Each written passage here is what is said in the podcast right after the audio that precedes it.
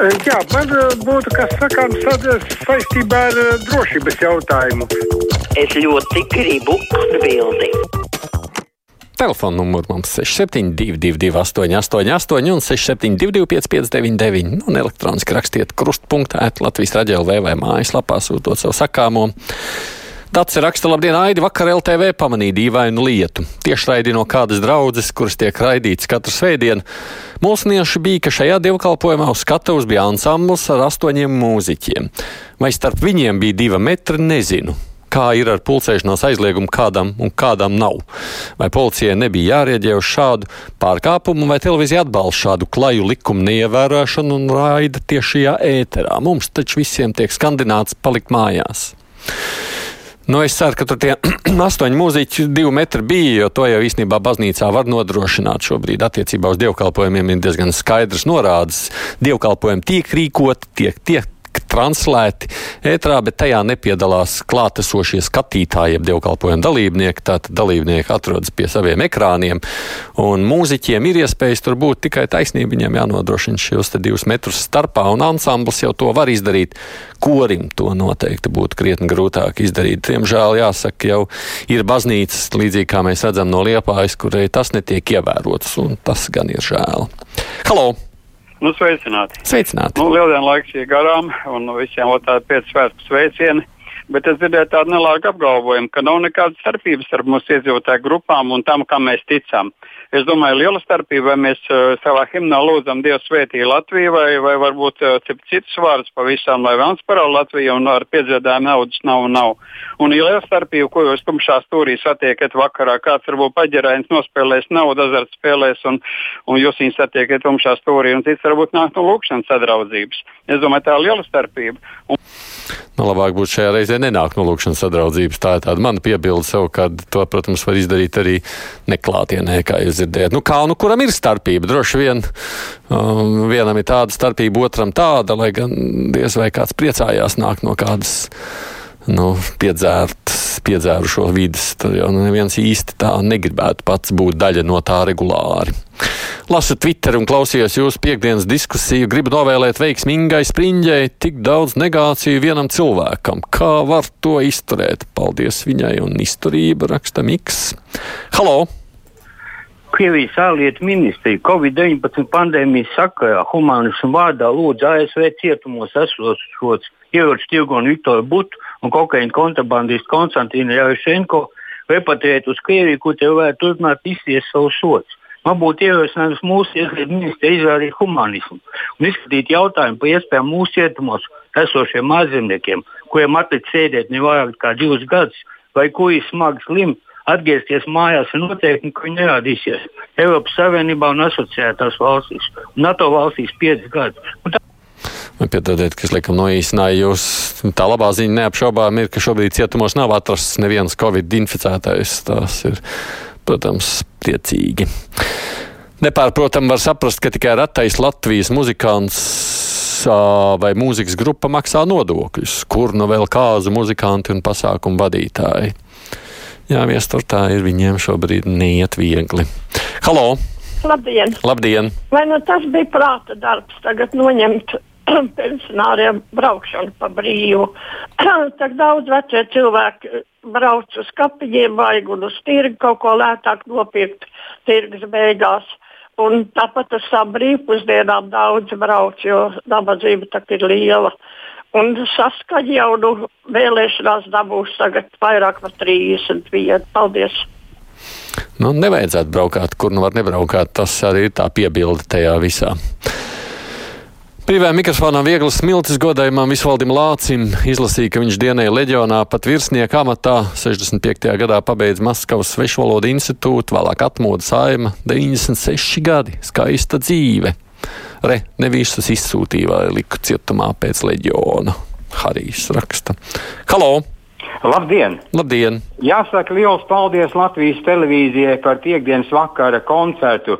dzīvajā ēterā tiešraidē no Latvijas televīzijas studijas, kur uzstājās izcilais uh, mākslinieks Dons ar savām dziesmām un ģitāru. Paldies visiem muzikantiem un operatoriem. Un ar interesi būs jāgaida arī nākamo piekdienu, kurš būs mākslinieks. Un vēl turpināšu vēl lielu paldies par, uh, par sestdienas vakara koncertu. Tas bija ierakstā, kur uh, pie klavierēm spēlēja mūsu Latvijas un latviešu tautas simbols maestro Raimons Pauls. Viņa lieliskās dziesmas dziedāja izcils, spožs Latvijas talants. Uh, Raumans Kalnīgs. Paldies visiem! Paldies! Mm -hmm. Un viss radio trīs to pašu organizēja līdzīgi. Nu, īsnībā daudz tagad tā ir laba lieta. Tiešām paldies! Ja mediķiem darba piemaksas ir pamatots, tad policistiem tās piemaksas par ko? Jo viņiem par darba dienestu pienākumu pildīšanu bīstamos apstākļos taču pensija sākas no 50 gadiem. Brinkmaņa kungam šķiet, ka nav tā vērts, lai gan, protams, arī policistiem darbs apjoms neapšaubām ir audzis. Māja savukārt grib pateikt milzu paldies Ozolnieka novada domai, kas ik nedēļu sagādā pārtiks pakas daudz bērnu ģimenēm, maznodrošinātiem, trūcīgiem. Liels atspaids šajā laikā un paldies visiem tiem daudziem darbiniekiem, kas šo visu gatavo un izsniedz. Jā, droši vien, ka vēl kādām mēs varētu līdzīgi paldies teikt. Halo! Labdien! Labdien! Man būtu tāds neliels jautājums. Vai visiem mums ir jāievēro uh, Covid-19 uh, pandēmijas uh, noteikumi? Jo man apstādināja ceļu policija bez cimdiem, bez maskas, bez nekā. Vienkārši pieliecās klāt tuvu pie maniem un prasa dokumentus. Tas arī notiek ar transporta policiju. Vai viņiem ir jāievēro vai nav jāievēro? Nu, viņiem vajag aizsardzības tīkls. Tādā ziņā viņi, protams, divus metrus nevarēs ievērot. Tas ir skaidrs, jo no jums jāpārņem ir tas dokuments, bet tas, ka viņiem ir nepieciešami šie piesardzības pasākumi, tas uz policistiem neapšaubām attiecas. Mēs jau redzam, ka ļoti daudzās valstīs, kur tā pandēmija plosās dramatiski, tur ir policisti vien no tiem, kas nu, diezgan cietuši ir. Pavisam droši var pateikt cilvēkiem, kas nevar apciemot savus tuviniekus kapos, nu viņi pagaidīs un nedusmosies un sapratīs, raksta Ulris. Halo! Labdien! Labdien! Uh, es gribēju pajautāt tādu lietu. Katru reizi uh, tādu jingliņu pirms raidījumiem ir un vienmēr saka Latvijas Rādio 1, Latvijas Rādio 2, bet es ceturtdien griezu uz citu vilnu un man uzgriezās uh, radio Baltkom. Un tad es paklausījos, kas pie tādas skarbas balss būs. Tur viņa intervija bija ar kādu Maskavu žurnālistu, kurus sauc Vadims. Acīm redzot, tas ir kā pie mums krustpunkts.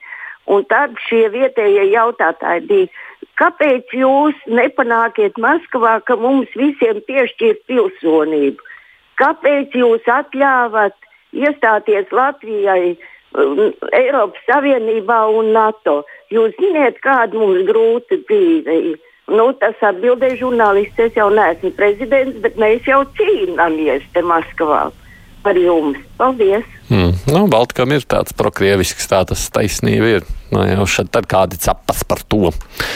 Bezpajumtnieki tā nekontrolē izplat, nekontrolēt izplatīs Covid vīrusu. Man ir reizēs par to. Nu, šī jau arī ir vēl viena riska zona, kurai neapšaubāmi nu, uzmanība tiek pastiprināti pievērsta. Nu, mēs jau redzam, kas arī notiek patversmē, zilais krusts. Halo! Labdien! Labdien. Ivars Blauska. Jā.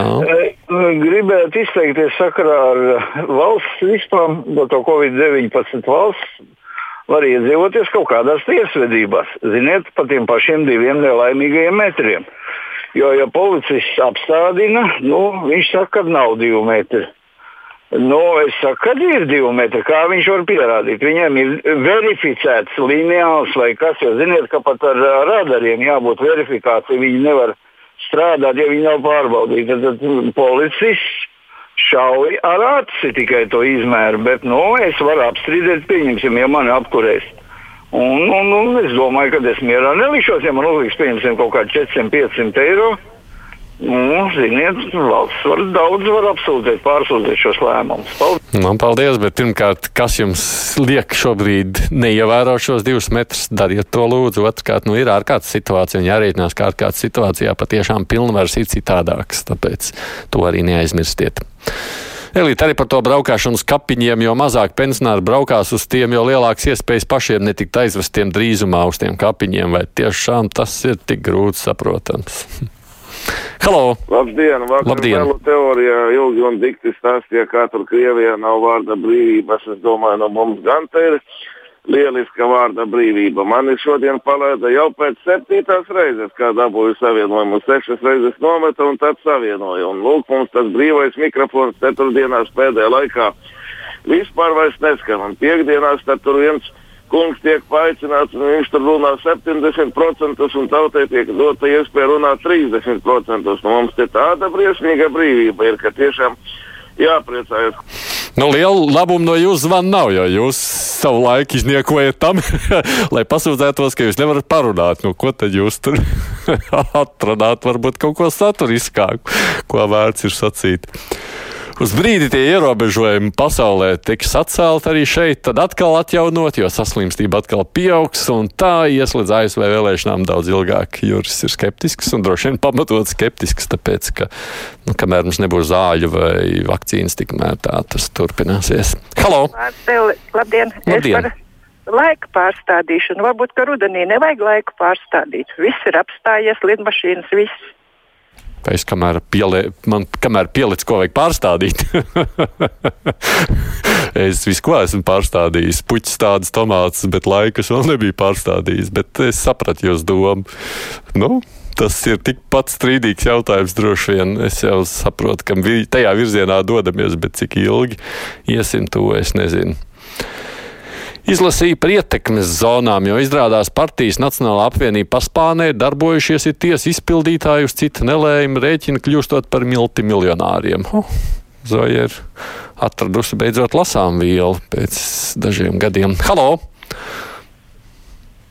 Halo! Vai vēlreiz mēģināsiet? Jā, jā.